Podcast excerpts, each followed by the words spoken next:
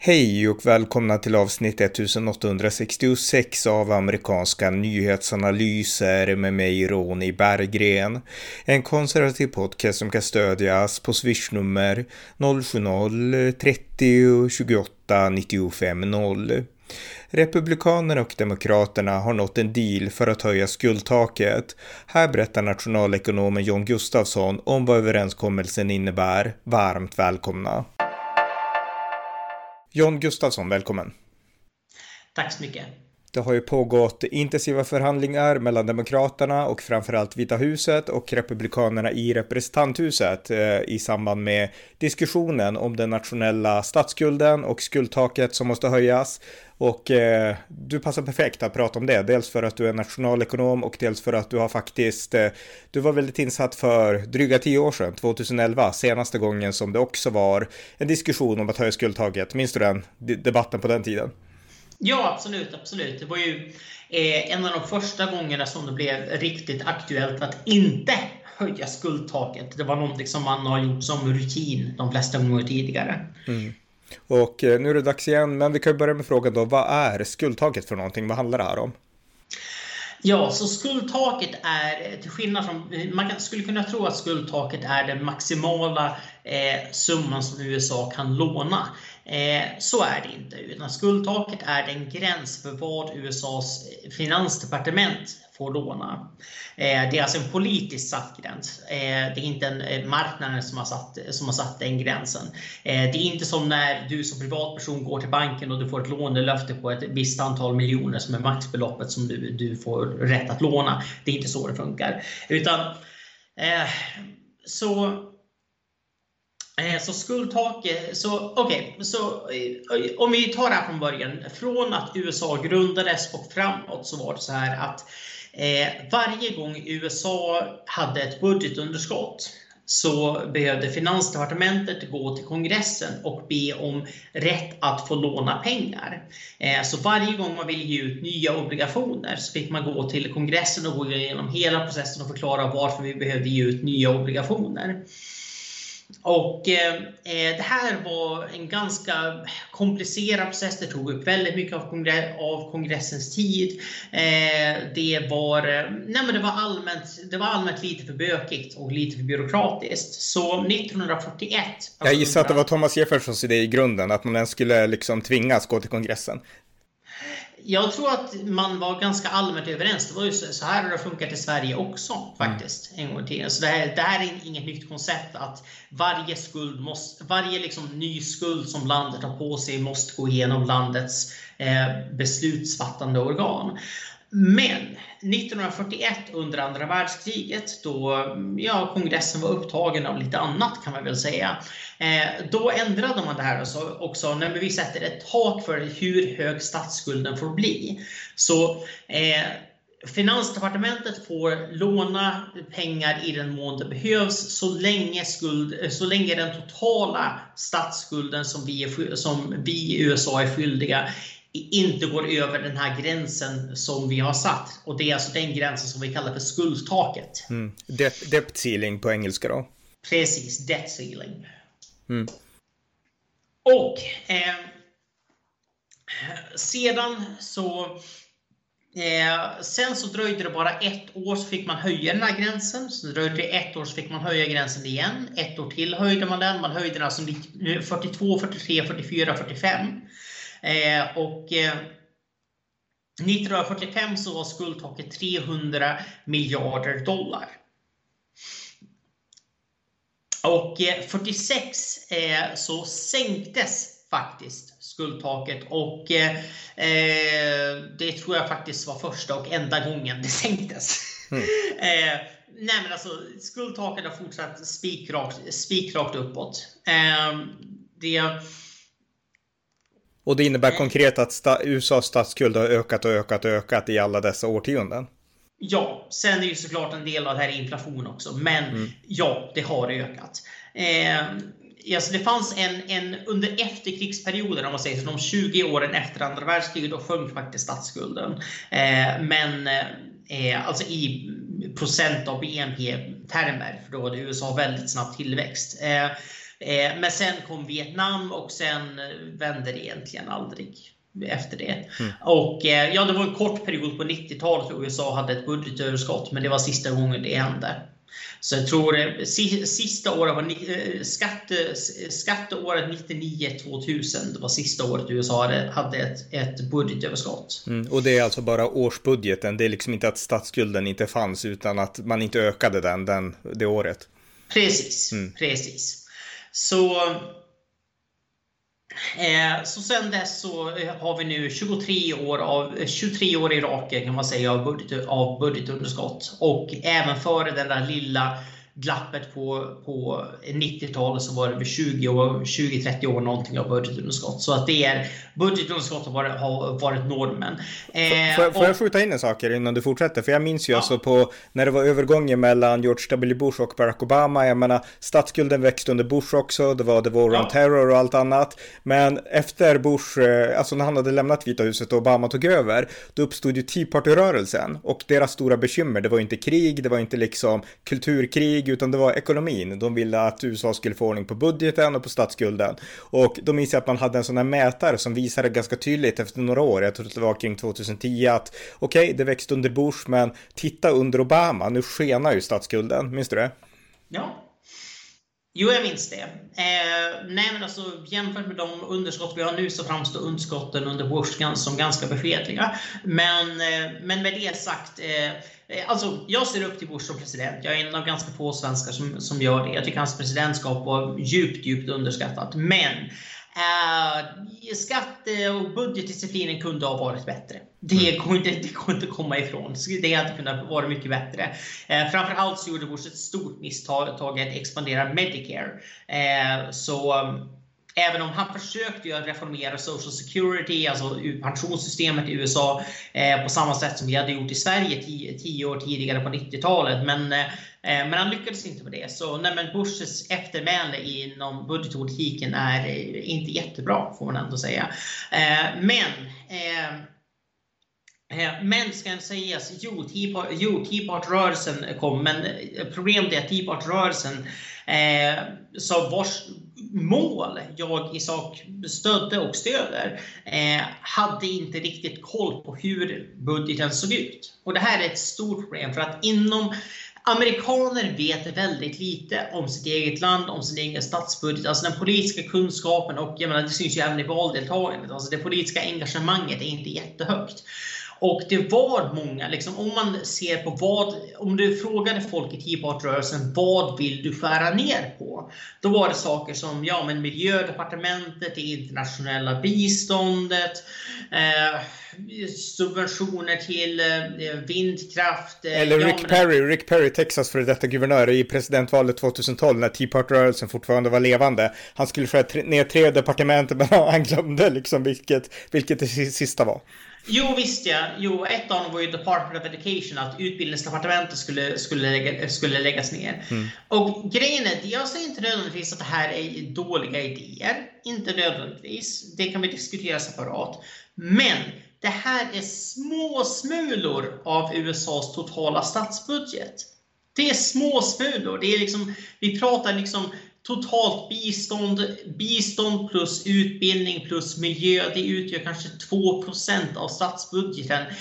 Det är liksom, när man har ett budgetunderskott på liksom 20-30% då räcker det inte att bara tjafsa om det. Det räcker inte. Det, det, funkar inte så, tyvärr. Och det Tea Party-rörelsen vägrade inse, det var att antingen måste vi gå med på att vissa skatter måste höjas. Eh, och det kan man argumentera för. Eh, eller framförallt så måste vi gå med på att skyddsnäten måste reformeras. Och med skyddsnäten så menar jag inte eh, arbetslöshetsförsäkringen, för den är redan väldigt svag och kostar inte USA sådär jättemycket egentligen. Eh, men det, de tre program som driver USAs statsskuld är Medicare, Medicaid och Social Security. Mm. Och här måste jag översätta det här till svenska. Medicare innebär gratis sjukvård för alla som är pensionärer. Eh, ni har kanske hört att USA har privat sjukvård. Det har man också. Men det finns ett antal undantag från den regeln och ett undantag det är om du är pensionär, då har du gratis sjukvård. Eh, och USA har en åldrande befolkning och deras sjukvård, delvis för att den är privat, så är den extremt dyr. Så det kostar statsbudgeten hur mycket pengar som helst. Eh, det andra är Medicaid. Och det innebär gratis sjukvård för alla barn och för alla som är fattiga. Och det är många i Sverige som inte vet om det. Mm. Eh, USA har gratis sjukvård. Om du faller under en viss inkomstgräns så har du gratis sjukvård. Eh, och det här är också svindyrt, inte minst för att de fattiga i USA tenderar att vara eh, så att säga de minst hälsosamma. Eh, det vill säga, jag menar, bara titta på saker som rökning eller fetma eller alkoholism. Du, hittar dem först och främst i de lägre inkomstgrupperna. Så det här är extremt dyrt. Och det här blir inte bättre av att de här programmen generellt sett inte täcker preventiv sjukvård. I alla fall inte lika, lika mycket. Och det gör så att säga, om du, vill träffa, om du har diabetes och du vill träffa en dietist då får du betala för det själv. Om du har diabetes och behöver få din fot amputerad så betalar staten det. Ett besök till en dietist hade kostat staten 1000 kronor, en fotamputation går på en kvarts miljon. Det är, liksom, det är lite bakvänt och det är det som gör att USAs regering spenderar mer per invånare på sjukvård än Sveriges regering och vi har gratis sjukvård för alla medborgare och USA spenderar ändå mer än, mer än oss bara för att deras sjukvårdssystem är så kast. Mm. Det är liksom, de har lyckats med det, åstadkomma det absolut värsta av två, av två världar. De har privat sjukvård och samtidigt ändå så driver sjukvården staten nästan i konkurs. Mm. Men det, det, fungerar kass för att ha blivit socialiserat skulle jag säga. Alltså det fungerar ju bra för de som har sjukvård, de som har det via jobb och sånt här. Eh, jag menar, du känner amerikaner, jag gör det också, där funkar det superbra. Men problemet är ju liksom, det var ju det här Reagan kritiserade, bland annat sjukvårdssystemet, så att det här funkar inte inom det amerikanska systemet. Och nu har man gått ännu längre med Obamacare och, och så vidare. Så att det, råder, det råder ju en diskrepans mellan de det fungerar för och det här liksom som belastar belastar systemet hela tiden. Liksom. Jo, och sen är det också det, det är bra att du nämnde det här med, eh, med eh, sjukförsäkring via arbete, för det är en del av problemet. Eh, de flesta, eller i alla fall väldigt, väldigt, en väldigt stor andel av amerikanerna har en sjukförsäkring som de får som en arbetsförmån. och det är ofta så man får tag på, en sjukförsäkring i USA. Det är, det är i synnerhet för de som är alltså white collar, alltså kontorsjobb, det är nästan obligatoriskt eh, där du har någon form av sjukförsäkring. Ehm, men det här innebär också att om du tappar jobbet så tappar du också sjukvården. Mm. Och det här gör att människor blir väldigt rädda för att även om du blir dåligt behandlad på ditt jobb så kan du bli liksom, ja men vågar jag verkligen jag menar, säga, säga upp mig? Jag menar, tänk, om jag, tänk om jag blir sjuk och jag har ingen sjukförsäkring längre. Och det kan göra att man blir väldigt fastlåst i sitt jobb och man får ett dåligt förhandlingsläge som, ar som arbetstagare. Eh, och det är därför en av de eh, liksom, konservativa lösningarna på USAs sjukvårdsproblematik, eh, det är ju att individualisera sjukvårdsförsäkringen, ta bort de här skatteförmånerna som gör det så förmånligt att få sjukvård via arbetsgivaren och istället subventionera att man skaffar privata sjukvårdsförsäkringar som hänger med dig Oavsett om du byter arbete, oavsett om du byter från en delstat till en annan delstat. Det är förresten en annan, en annan grej, att man kan inte köpa sjukförsäkring från en annan delstat. Så att flyttar du till en ny delstat, ja, då måste du också skaffa en ny försäkring. Mm. Så det, och alla, jag, vill bara skjuta in, jag vill bara skjuta in en sak, för vi är så nördiga vi är. Liksom, vi är inte amerikaner du ja, men när, när det, Obamacare diskuterades för typ dryga 10 år sedan, ungefär 12 år sedan, då var det ju Republikanerna pratade om sånt här hela tiden, för man ville göra allt för att stoppa Obamacare och då börjar man prata, men vi måste fixa problemen med gränserna, det är det som är problemet och man pratar, du vet, alla de här sakerna kastar ja. man ju fram för att stoppa Obamacare. ja, nej, men i mitt tycke så hade de rätt. Mm. Jag, menar, jag säger inte att det enbart hade löst hela problemet, men det hade varit en väldigt, en väldigt bra väg, fram, väg mm. framåt. För att som det är just nu så, jag menar, varför om du kan köpa, jag menar, om du kan handla från Amazon från en annan delstat, varför kan du inte köpa en sjukförsäkring från en annan delstat? Nej, jag, nej, jag håller med. Jag håller med. Och det här är det här är i synnerhet ett problem med de små delstaterna där det inte finns en marknad för att det ska finnas så många försäkringsbolag så det blir väldigt dålig konkurrens. Priserna blir jättehöga. Eh, sen är det också det att sjukförsäkringar kommer med en extremt, alltså all, alla försäkringar, även liksom bil, hus, alla sådana försäkringar kommer ju med en självrisk. Men sjukförsäkringar i USA kommer med ganska höga självrisker och det gör att även om du har en sjukförsäkring så kan du ändå, jag menar en ganska standard självrisk det är motsvarande ungefär 100 000 kronor per år. Mm.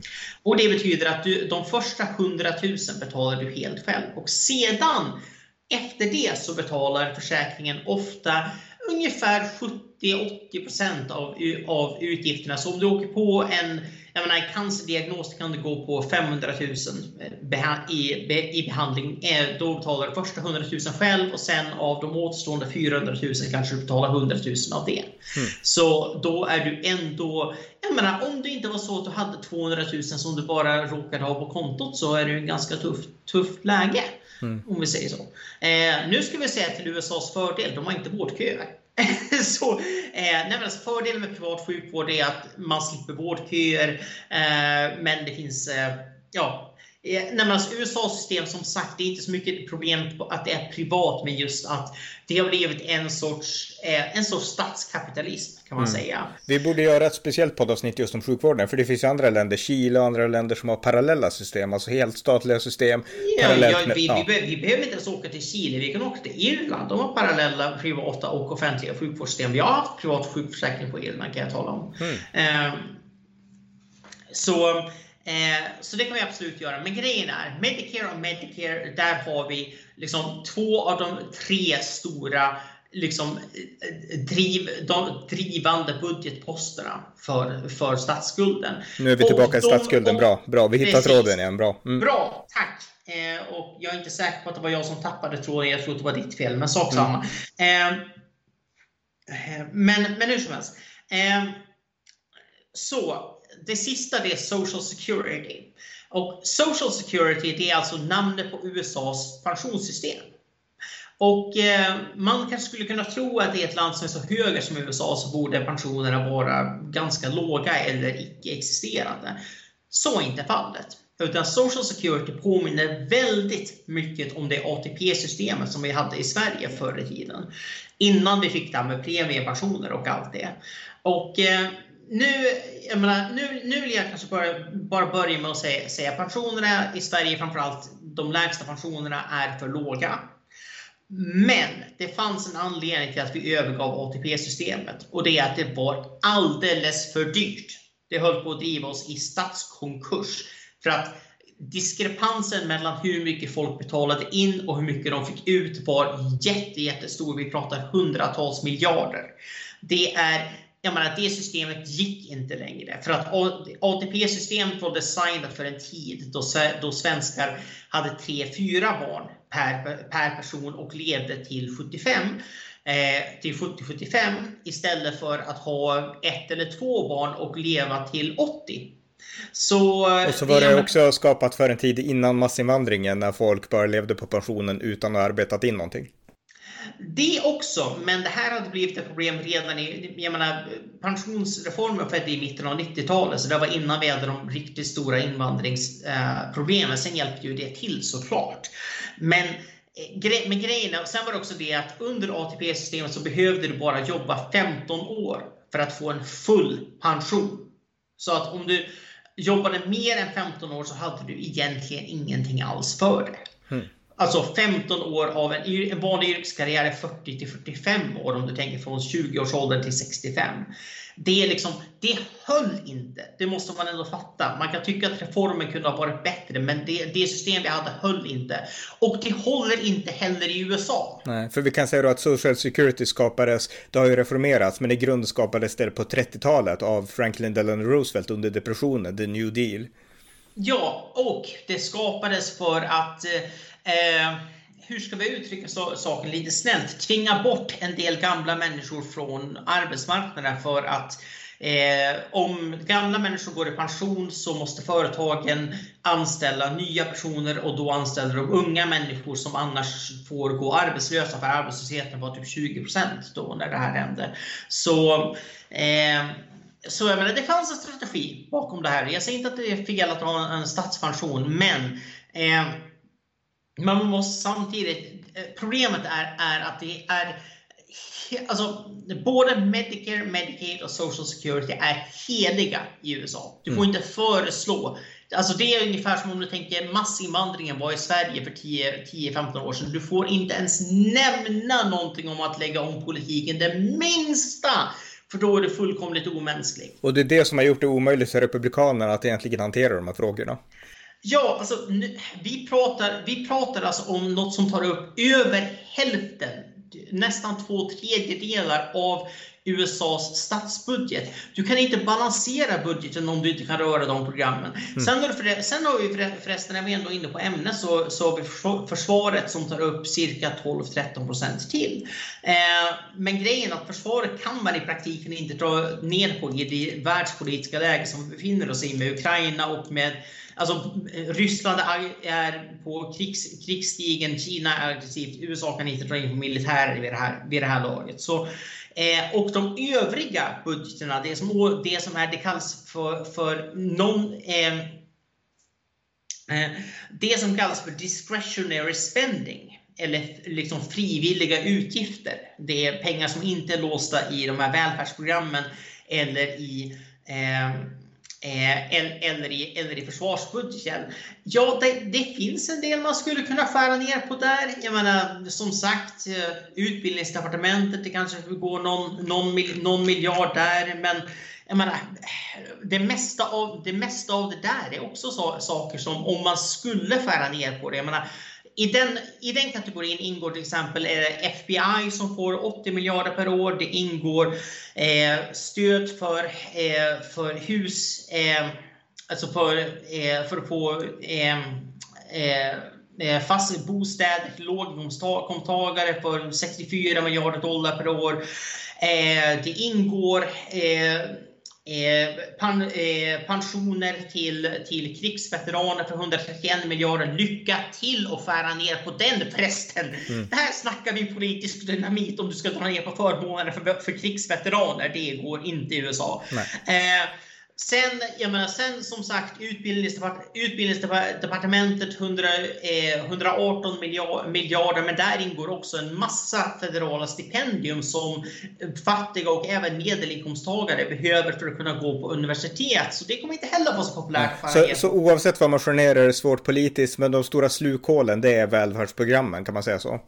Ja, precis. Och eh, kan jag också nämna ifall, ifall det är, någon som, ifall det någon, någon som var nyfiken. Biståndet ligger på ungefär 1% av USAs statsbudget. Mm. Och eh, ja, av rent praktiska skäl kan man inte egentligen dra ner så mycket på det heller. Men det är liksom helt oavsett, även om vi skulle utgå från att man kan lägga ner hela miljödepartementet, biståndsdepartementet.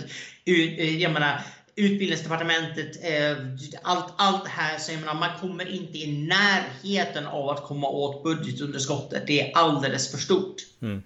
Så, eh, så jag menar, är man inte, är, är man inte villiga att, eh, att skära på, på de här välfärdsprogrammen, ja men då förr eller senare kommer USA nå en punkt där man inte kan låna mer. Mm. Men det för oss över då till eh, alltså den politiska debatten mellan Republikanerna och Demokraterna i den här frågan. Eh, den här dealen då, vad har den handlat om? För grundinställningen är ju att generellt så vill, alltså alla, båda partier, för det är politiskt omöjligt att göra något annat, vill värna de amerikanska systemen. Men Republikanerna är ändå beredda att skära ner mer än Demokraterna, så de vill väl egentligen det, även om det inte går. Så att hur ser den här dealen som nu, för nu har det skapats en deal ändå, eh, för att godkänna att höja skuldtaket. Eh, men det har inte varit friktionsfritt och det har rått stridsfrågor mellan Republikanerna och Demokraterna och Vita huset då. Så att, kan du berätta mer i detalj då den här dealen och utgångspunkterna för partierna? Ja, vi ska väl säga att det har blivit lite en politisk charad i USA att oppositionspartiet vill inte höja skuldtaket. Eh, jag skulle säga att första gången det här hände var inte 2011, det var 2006. Där bland annat en viss senator Barack Obama eh, röstade emot att höja skuldtaket när George Bush ville höja det. Mm. Eh, han höll till och med tal i senaten. Han var, tyckte att det var, det var vansinne att höja skuldtaket. Han ändrade inställning när han blev president några år senare. Eh, Nej, I, så, I sådana fall var Donald Trump mer ärlig, för han var på ett CNN talmöte här, häromdagen och så sa han att ja, men, han tyckte det var bra om man höll skuldtaket hårt och så sa de att ja, men när du var president då, då höjde du skuldtaket. Jo, jo, men då, då var ju jag president, sa han. Lite mer ärligt än Obama i alla fall, i så fall. Ja, nej men det, han har ju, han har ju ibland, ibland så att säga korn av brutal ärlighet, det får vi säga. Nej men som sagt, Republikanerna hade inga problem med att höja skuldtaket när Trump var president, de hade inga problem med när Bush var president. Demokraterna hade inga problem, problem med det när Obama var president. De hade inga problem med det när Clinton var president, för det skedde faktiskt en gång tidigare då också. Mm. Eh, men, nej men alltså, och det parti som är i opposition är det partiet som vill skära ner på utgifterna för att det är mycket lättare att, jag menar, det är samma sak som att lägga en budgetproposition när du är i opposition. Det är mycket lättare att lova saker när du vet att de inte kommer att gå igenom. Jag menar, när, när du vet att det här är bara så att säga en, en, en pappersprodukt. Mm. Så det är en helt annan sak. Det märker vi ju även, jag menar, jag menar Även jag menar, om vi tittar på vår svenska, vår nuvarande regering, deras ambition som de har uttryckt i sina budgetar när de var i opposition jämfört med vad de gjorde i sin första budget. Nu säger inte jag att den första budgeten var dålig, men den var inte alls lika ambitiös som det man, som det man hade kanske sagt i opposition, för att det är lättare att lova saker i opposition. Mm. Eh, och eh, vare sig, och vi ska säga att både Republikanerna och Demokraterna suger när det gäller eh, statsskulden. Båda har drivit upp statsskulden. Eh, och eh, jag menar, även Trump ska sägas. Och eh, under Trump så växte statsskulden varje år. Alltså det var inte bara pandemin, den växte vartenda år som han var, var president så, så fick USA ett högre budgetunderskott än de hade tidigare. De flesta republikaner anser ju att eh, alltså, Trump var bra i det mesta. Du tycker inte det, men alla tillstår egentligen att när det kommer till statsskulden så brydde han sig inte alls. Nej, han, bry, han brydde sig verkligen inte alls. Och eh, Eh, och jag menar, nu, se, nu ska jag ju säga att jag säger inte att någon annan republikan hade varit bättre nödvändigtvis på den punkten. Kanske på vissa, kanske på vissa grejer, kanske jag menar, marginellt, men ingen, ingen republikan som kandiderade i, alltså av de här 16 personerna som kandiderade till att bli republikaners presidentkandidat 2016 så var det mig veterligt, jag kan ha fel men mig veterligt så var det ingen som, som sa att vi måste ha entitlement reform, alltså reformera Medicare, Medicaid, Social Security. Eh, mig veterligt var det ingen som sa det. Och eh, det gör att ingen hade egentligen kunnat lösa det här problemet om de hade hållit sig till det. För att eh, jag menar, Bush hade tillräckliga problem. Han, fick in, han försökte reformera Social Security. Han försökte införa ett system som var liknande det som vi hade infört i Sverige, men bättre. För att istället för att ha 700 premiepensionsfonder att välja på så skulle man ha fem fonder att välja på, vilket är lite enklare. Mm. Ehm, så jag menar, han hade kommit på en förbättrad version av det svenska premiepensionssystemet som ändå skulle leda till högre avkastningar och högre pensioner i längden. Ehm, bara för att pengar som, jag menar, som det är just nu så är de pensionspengar som man betalar in i skatt investeras i statsobligationer eh, och eh, i längden så är det så att, att statsobligationer ger en mycket, mycket lägre ränta än eh, än vad man får på aktiemarknaden. Det är klart att aktiemarknaden går upp och ner, men om vi ser på lång sikt så aktiemarknaden snittar 10-11% ungefär. Statsobligationer 2-3 högst. Eh, så, så, så Bush hade en plan som skulle dels göra att USAs, eh, trycket på USAs statsbudget skulle minska och samtidigt skulle pensionerna i längden bli högre. Eh, och det hade han tagit upp i presidentvalskampanjen 2004. Mm. Och han blev vald. Han blev, han blev omvald. Han hade alltså ett folkmandat och den planen gick ändå inte igenom. Så, så svårt är det att röra de här systemen i USA. Det är i politiskt självmord i princip. Mm. Så Eh, så, eh, så, men, eh, men med det sagt, Republikanerna eh, har gjort det lite av en grej under eh, att eh, att säga att ja, men vi kommer inte tillåta skuldtaket, att skuldtaket höjs. Ja, som sagt 2011 sa man det. Slutade med att skuldtaket höjdes. Republikanerna fick med veterligt nästan ingenting. Eh, sen så hade man en liknande grej några år senare, slutade ungefär likadant. Eh, men intressant nog, den här gången så eh, har man faktiskt fått igenom, alltså man har tvingat Joe Biden till, till att gå med på eftergifter i utbyte mot att skuldtaket höjs. Mm. Och det här är så att säga, ja, det här var första gången. ja, men hur, hur ser dealen ut då i så fall? ja, vi skulle kanske säga att USA eh, vi skulle kanske tillägga, så, här, så här, bara för att förklara en sak. Så när skuldtaket nås, då kan USA inte låna mer. Och, eh, eller rättare sagt, man kan inte låna mer på de vanliga sätten. Jag menar, så Finansdepartementet har liksom lekt lite så att säga, kreativt revisorskap för att kunna hålla igång, eh, hålla igång så att säga eh, lamporna i byggnaden under det senaste halvåret. Men eh, så skuldtak nu, nu ligger på 31,4 31, eh, eh, eh biljoner.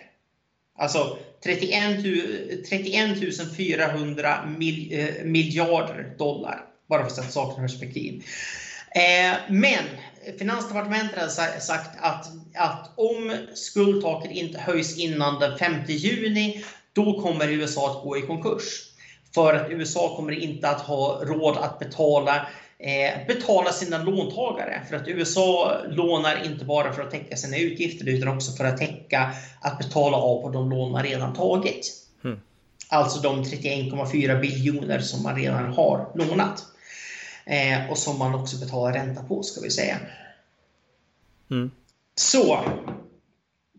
Så vid det här laget kan man säga att nu behövdes det en deal och det behövdes snabbt. Eh, och eh, jag tror faktiskt indirekt att eh, Donald Trump kan ha haft en eh, positiv effekt här. Och det säger jag inte så jätteofta. Men, eh, eh, nej men så här var det att för ungefär, jag minns inte exakt, ungefär en vecka sedan så gick Trump ut och eh, sa åt Republikanerna att rösta inte för att höja skuldtaket. Låt USA, liksom, låt USA gå i konkurs om, det, om så är fallet. Men sak samma, rösta inte för att höja skuldtaket. Det är fullkomligt idiotiskt. Alltså, om USA skulle gå i konkurs, då pratar vi en global depression av ett like världen aldrig någonsin har sett. Mm. Alltså, den amerikanska dollarn driver alla finanssystem, alla råvarumarknadssystem, allting. Då kommer, liksom. då kommer BRICS köra comeback och Ryssland och Kina får liksom, då får de en chans. de, får, en, får en chans, ja de får en chans att regera över askan av den liksom förkolnade värld som återstår utan det amerikanska finanssystemet. Det är en så stor del. Mm.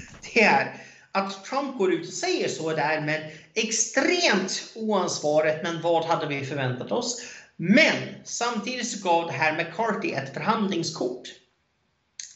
För att han kunde gå och säga till Biden att om du, jag menar, Trump säger, säger åt mina, liksom, mina eh, eh liksom, Eh, leda, mina republikanska ledamöter, ledamöter i representanthuset att de ska rösta för att låta USA gå i konkurs. Du måste ge mig eftergifter, annars kan jag inte övertyga eh, min, liksom, eh, mitt parti om att gå med på att höja skuldtaket. Liksom, McCarthy vet att skuldtaket måste höjas, Biden vet att det måste höjas, men McCarthy kunde helt enkelt köra på att ja men du, bara släng några, släng några, några, några eftergifter åt, åt oss bara så jag kan ha en ursäkt för, för, för, att låta det här gå igenom.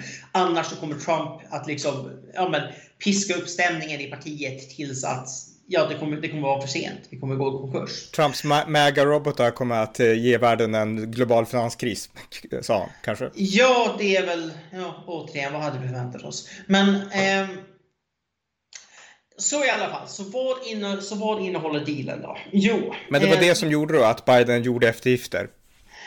Jag tror det. Mm. Och ganska många tror det. Biden var väldigt inne på länge att han inte skulle göra några eftergifter för att man ska inte få spela. Man ska helt enkelt inte få gynnas politiskt av att, av att spela sånt spel med USAs finansiella trovärdighet. Vilket eh, det finns en poäng i och det finns ju en uppenbar risk att det här kan komma att slå tillbaka på Republikanerna nästa gång de har Vita huset och de ska höja finanskrisen. Mm. Eller höja skuldtaket. Ja, så. Eh, I alla fall, så det första det är att, eh, att skuldtaket höjs inte formellt sett utan det pausas till eh, januari 2025. Vilket ni kanske känner igen som månaden då nästa president ska tillträda. Så efter presidentvalet. Så inget skuldtak överhuvudtaget fram till januari 2025. Hmm. Och eh, det här innebär också Och det innebär, att alltså, det innebär alltså att då får Finansdepartementet låna hur mycket de vill tills dess? Ja, i praktiken. Mm. I praktiken. Eh, eh, men, Eh, men i alla fall. Eh, så, eh, och det här innebär också att nästa president, eh, och jag tror inte att det kommer att vara Biden, men nästa president kommer att få en huvudvärk så fort de sätter sig ner i ovala kontoret. För det första de måste hantera, det blir ju höja skuldtaket. Det blir Mm. liksom prio nummer ett för nästa president för att det, den här liksom pausen går, går ut samma månad som de tillträder till presidentämbetet. Så eh, Så det Trump kan ha gjort om han skulle bli president det är att lägga det här problemet i sitt eget knä i framtiden. Jo, jag vet inte om han tänkte så långt. Eller också så är det så att McCarthy har tänkt så långt och att det här är hans sätt att ge Trump ett långfinger. Jag vet inte. Eh, Trump och McCarthy kommer inte riktigt överens. Eh, nej, men alltså, man kan säga så här, Joe Biden Eh, jag, tror, jag vet inte om Joe Biden vet något som vi inte vet, men jag tror inte att Joe Biden kommer vara president i januari 2025. Eh, och jag inte, jag menar, han, ja, ja, jag vet att han kandiderar nu, men eh, med hans hälsotillstånd och allting så jag menar, jag tror att han känner att om han kan pausa skuldtaket till 2000 till 2025, då blir det här någon annans problem om den personen nu är en demokrat eller en republikan. Mm. Så ja, Nej, och det är väl lite också typiskt för USAs budgetdebatt att man sparkar eh, nej, alltså man, man, bara, man bara spar, sparkar kick the can down the road som man säger på engelska. Det här, man, eh, man skjuter upp saker men man löser dem inte. Eh, så det är det första som det här innebär. Mm. Och eh, eh, det nästa, nästa grej det är, det är att den, de frivilliga utgifterna, discretionary eh, discretionary spending kommer att vara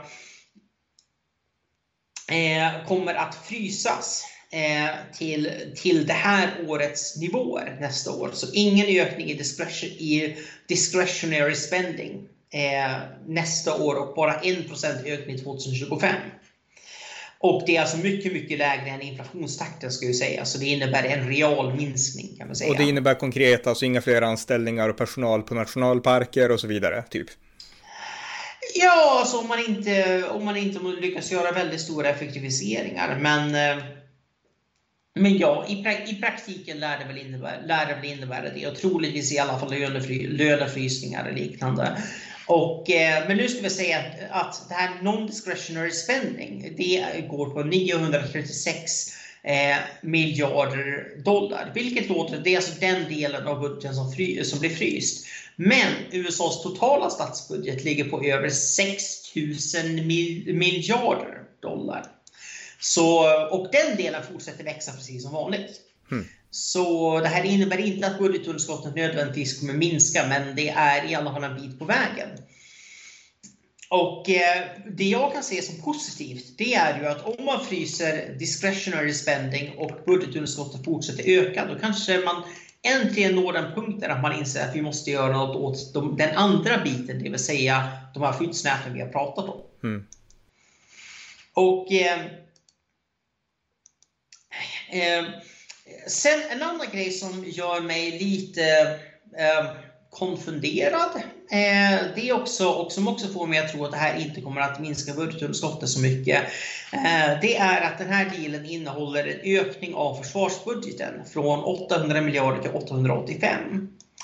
Eh, och eh, alltså jag är absolut försvarsvänlig, men eh, jag vet inte. Jag skulle vilja avvaktat om jag säger så. USA har, jag menar, Eh, jag är, och det här vet alla som känner mig, jag är 100% in för, för Ukraina och för att USA bör hjälpa Ukraina. Och, men grejen är det, USA har sådana extrema mängder med militära alltså restlager, kort sagt. Att man skulle kunna, alltså bara med existerande resurser så kan man, jag menar, man kan kort sagt krossa, krossa Ryssland med sitt, med sitt biuppställning i militär hårdvara. Det är liksom, jag är inte säker på att man måste höja försvarsbudgeten just nu. Mm. Jag är absolut inte säker på det. Det är en annan sak såklart om det skulle bli krig mellan Kina och Taiwan, ja men då hamnar vi i ett annat läge. Men i dagsläget så um, känns det här lite överdrivet om jag ska vara ärlig. Eh, en annan grej det är att eh, så tidigare Eh, så förra året så höjdes anslagen för eh, Internal Revenue Service som är namnet på USAs skatteverk eh, med 80 miljarder över ett årtionde, så 8 miljarder per år. Och Eh, tanken var ju att om man har fler, eh, fler anställda på Skatteverket så finns det fler som kan eh, ja, men avvärja och hitta skattefusk och därmed få in, få in mer skatteintäkter. Eh, och eh, det kanske funkade, eller kanske inte, men Republikanernas stora kritik det var att de här eh, nya skatteagenterna, att de skulle inte främst gå, liksom så säga, jaga de rika, de skulle jaga vanligt folk. Typ. Och det, det nämndes skulle bara sluta med att vanliga människor blir trakasserade för att de dragit av 10 dollar för mycket. Typ. Det, eh, hur som helst, här har Republikanerna, eh, här har Republikanerna eh, vunnit i att den, eh, den större delen av den här, eh, av den här, eh, fund, av, av, av den här eh, ökningen dras tillbaka och eh, Skatteverket kommer inte att kunna anställa de, de 87 000 nya agenter som man hade tänkt. Eh, en annan republikansk det är att de eh, oanvända medel från pandemin, så under pandemin så eh, tillslog ju den amerikanska regeringen en hel del resurser, eh, som nödhjälpsresurser. Och en del av de resurserna har inte använts och de har istället bara legat, legat kvar så att säga. Eh, och de ska man nu ta tillbaka. Mm. Och eh, sen re, lite symboliskt ska jag väl säga så, så skär man också ner på, på eh, eh, Smittskyddsverket, CDC's eh, Global Health Fund. Eh, som man menar för att eh, Global Health Fund samarbetar bland annat med Kina. Och, eh, eller bedriver en del arbete i Kina. Jag tycker personligen att det är fel väg att gå. Men eh, mest för att, om man säger så här jag tror att nästa pandemi, när nästa pandemi väl sker, så kommer den också att starta i Kina. Och eh, därför kan det vara ganska bra att ha ett visst samarbete och en viss så att säga, insyn i vad som händer i Kina. Även om jag på det stora hela motsätter mig jag menar, att, att jag är överlag Kina-fientlig, men man måste kunna vara lite pragmatisk. Mm. Eh, Ja, finns det fler eh, komponenter? Eh, jag kan också, kan också nämna eh, eh, krav, på, krav på att arbeta för de som eh, för, för de låginkomstamerikaner som vill ha till exempel matkuponger eller andra liksom federala, eh, federala välfärds, välfärdsprogram. Så, eh, så inte Medicaid dock. För man får inte röra Medicaid, för Medicaid, precis som Medicare och Social Security, är heligt. Eh, men eh, övriga, så att säga, övriga liksom, låginkomstassistans kommer kräva att man, att man arbetar eller att man är eh, Ja, men alltså så att säga att man är till arbetsmarknadens för, förfogande och det kan även innebära att man gör, jag menar, på jobb eller vad som helst, arbetsmarknadsåtgärder, liknande eller vad, vad det nu än kan vara. Eh, och eh, och, eh, eh och, eh, eh, vi skulle säga att det har, det har funnits av work requirements tidigare, men då har det varit upp till 50 års ålder. Nu höjs det till att man, till att man måste vara 54 innan man slipper work, work requirements. Sen Eh, sedan så eh, kommer eh, studielånen att eh, eh, studielånen, studielånsåterbetalningarna att återupptas. Eh, det var så att under pandemin så pausades alla återbetalningar av studielån så att om du hade studielån så behövde du inte betala under pandemin och sen så har man bara skjutit upp och skjutit upp eh, datumet för när man ska börja behöva betala tillbaka igen. Och Biden, dröm över att avskaffa dem till och med. Avskriva ja, dem. Biden har ju försökt avskaffa i alla fall eh, 20 000 dollar per, eh, per studielåns, eh, studielånstagare. Och eh, det är antagligen olagligt, kommer antagligen förklaras grundlagsvidrigt av eh, Högsta domstolen, men eh, Biden försöker. Men ja, nej, men i den här dealen så... Och det, detaljerna är inte helt utmejslade, men det här innebär i alla fall att återplaningen kommer att, kommer att återupptas, vilket är helt rättvist.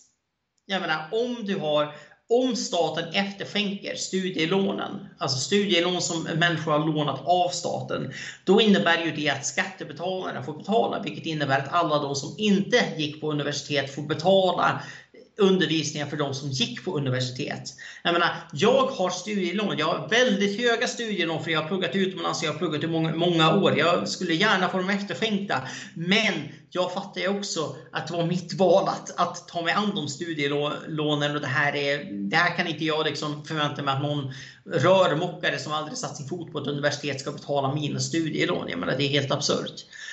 Så eh, Eh, sen eh, sist, sist men, men kanske inte minst eh, så, eh, så har man kommit överens om ett nytt regelverk för att göra energiprojekt inklusive de som eh, inkluderar fossil, fossila bränslen eh, enklare så att det ska bli enklare att få eh, att få tillstånd för att utvinna ja, men olja framför allt. Och, Eh, och, eh, eh, men det är väl liksom andra, andra typer av energiprojekt också. Så USA, precis som Europa, har ju ett problem med att, med att elektrifieringen innebär att man måste öka eh, energiproduktionen väldigt snabbt. Så nej, det är bra. Mm. Ja, okej. Okay. Eh, ja, men då har du berättat lite grann om den här dealen och eh, den här måste ju godkännas då i representanthuset. Så kommer den att gå igenom? För det är väldigt jämnt mellan partierna. Eller har demokraterna som sitter i, för Vita huset har accepterat det här, men demokraterna i representanthuset, går de med på den här dealen tror du? Ja, Alltså det kommer säkerligen vara några jag menar, radikalvänsterledamöter som röstar emot säkert, visst, okej. Okay. Men Eh, nej men alltså, Demokraterna i kongressen kommer rösta för det här. Och eh, det kommer finnas fler motståndare bland republikanerna. Frågan är bara hur många. Minst 60 stycken i alla fall. Okej, okay, så att eh, republikanerna kommer rösta emot för de tycker inte att man har liksom krävt tillräckligt? Nej, eh, nej men alltså deras startbud om man säger så när de började förhandlingen, det var ju mycket, mycket, eh, mycket, mycket högre än det man fick. Det skulle man såklart varit beredda på. Men eh, ja, nej som sagt, det här är första gången man får, man får eftergifter överhuvudtaget för att höja skuldtaket. Så jag tycker Republikanerna ska acceptera att de har vunnit och bara liksom ta en seger för en gångs skull. Gnäll mm. inte så mycket över det här. Republikanerna har inte Vita huset. De har inte senaten. Det är inte Republikanerna som bestämmer just nu. Att som oppositionsparti kunna vinna så pass mycket, det är det här är jättebra jobbat av, av Kevin McCarthy. Mm. Ärligt talat. Det är, jag menar, sen nästa år då kan man vinna tillbaka Vita huset. Då kan man börja få ordning på skeppet på allvar. Nu måste man ta de segrar man kan ta när, där man kan ta dem och inte splittras in, internt inom partiet. Mycket intressant. Eh, men, men, så... I så, men i så fall, okej, okay, det här kommer röstas igenom så det kommer inte bli någon global liksom, kollaps på grund av, av liksom att USA går default, utan världen kommer klara sig. Kan man börja med världen kommer, världen kommer klara sig, som det, som det nästan alltid slutar. Så, mm.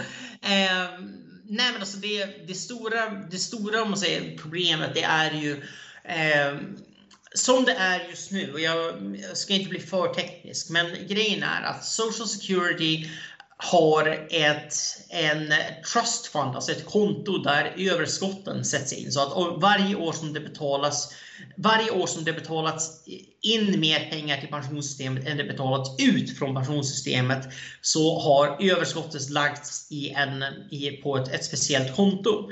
Nu bara det att det kontot är i princip tomt. Och eh, inom 11 år så kommer Social Security-systemet att kollapsa. Och när det sker, så om, om systemet inte reformeras så kommer pensionerna över en natt att sjunka med 25 procent. Mm. Och det var det här Bush varnade för 2004 när han kampanjade. Han sa att om vi inte gör det här så kommer inom 20 år problemen att bli jätteallvarliga. Liksom. Men ja, Precis, mm. men folk ville inte lyssna då. Och, hade man, och nu är grejen att nu måste man till med så drastiska reformer för att problemet har gått så långt. Hade man tagit tag i det här när Bush sa att man skulle ta tag i det, eller till och med tidigare, jag menar, det var när Bushes pappa var president, det var då man började prata om entitlement reform första gången. Mm. Och, eh, men han var lite för nervös för att, driva, för att driva det och eh, han var rädd för att förlora omvalet och sen förlora han omvalet ändå. Men eh, det är men nej, alltså det här är, nej, alltså då, hade det räckt med, då, då hade det räckt med marginella förändringar till systemet nu måste det till drastiska förändringar och jag är inte säker på vilken president som kommer ha, eh, alltså som kommer vilja eh, våga ta bladet från munnen och vem som kommer ha, ha det politiska kapitalet. Jag vet, jag, nej alltså, som ekonom så kan jag designa en plan för hur man fixar det här. Det är ganska enkelt. Eh, och det är jag inte den enda ekonomen som kan det. Men det problemet är den politiska realiteten. Och eh, det problemet med USAs statsskuld är inte att skuldtaket kommer att leda till en konkurs. Det tror jag inte kommer hända nu. Det tvekar jag på att det kommer hända senare heller om jag ska vara helt ärlig. Problemet är att man blir helt enkelt alldeles för, för, för skuldsatta och mm. det finns en gräns. Ja, faktiskt. det är en ond cirkel och man måste bryta den någon gång. Så att det är det som är problemet. Inget, liksom, det kollapsar inte nu men alltså bryts inte den här cirkeln, alltså vem som helst fattar det kan inte pågå för evigt liksom. Nej, och när väl domino, eh, liksom dominoplattorna börjar falla, då kan det gå väldigt, väldigt snabbt. Och det är det som jag är väldigt orolig för. Mm. Nej men alltså här skulle ju amerikaner ta lärdom av libertarianerna som ändå tänker på de här frågorna, är oroliga för de här frågorna, bekymrade, nervösa liksom. Jag menar amerikaner skulle kunna, jag menar även om de inte är realistiska alltid så, jag menar de skulle kunna lära av det tänkesättet. Ja, och jag menar, man måste inte ens gå så långt som, som att eh, lära av, lära av libertarianerna. Du kan ju lära av, jag menar, vi har haft Brian Reedley, en av de som är intervjuat på vår podd. Han är ju en person som i årtionden har bedrivit forskning och skrivit, skrivit artiklar och alltså forskat just om budgetunderskottet och om, och om det här Social Security, Medicare problematiken. Eh, vi kan ju liksom, han är inte libertarian, men liksom, okej, okay, men lyssna på honom. Han är polit, politisk mitten. Liksom. Mm. Men, det, men han, precis som, precis som jag, som ekonomer, vi ser, vi ser problematiken. Det här är inte en ideologisk fråga, det här är bara matematik. Mm. Mycket bra poäng. Men om vi håller oss och avrundar med det politiska, vilka konsekvenser kan den här dealen då få? Därför att okej, okay, USA kommer inte gå i konkurs, eh, bollen kommer att fortsätta rulla vidare och eh, kan han sparkas vidare längre fram på vägen. Men rent politiskt, lite kortsiktigt då, i de närmaste åren, vad kommer det här att betyda dels för Kevin McCarthy som har lett den republikanska sidan och vad kommer det att betyda politiskt för Joe Biden, det här? Eh, Joe Bidens ställning inom Demokraterna försvagas av att han tvingades göra eftergifter som Demokraterna tycker är vansinniga att man tvingas, att man tvingas göra. Vi ska också tänka på att de som drabbas av den här dealen är ju framförallt de som jobbar för nej alltså statstjänstemän. Kort sagt, de som jobbar inom de här departementen som nu får budgetfrysningar. Och Eh, Eh, de, kommer, de statstjänstemännen råkar vara en väldigt trogen demokratisk väljargrupp. Och eh, det är en väljargrupp som jag kan säga att Demokraterna vill inte att de ska stanna hemma på valdagen. Så eh, det är en dålig idé att tjafsa med dem. Det finns en anledning till att Demokraterna inte, inte tjafsar med vare, vare sig statstjänstemän eller eh, fackanslutna. Det är liksom, vi, vi pratar kärnväljare för partiet nu. Så eh, eh sen är det det att eh, Joe Biden framstår, dels han har lovat att det inte skulle bli några eftergifter, så det här är ändå, inom, inom partiet så är det här ett svek om vi säger så. Mm. Eh, och eh, det ökar risken, även om jag tror att risken är li, eh, liten, men det ökar risken att han får en utmanare från vänster. Eh, och nu menar jag inte Robert F Kennedy, det är inte en seriös kandidat. Eh, ni får säga vad ni vill, det är inte en seriös kandidat.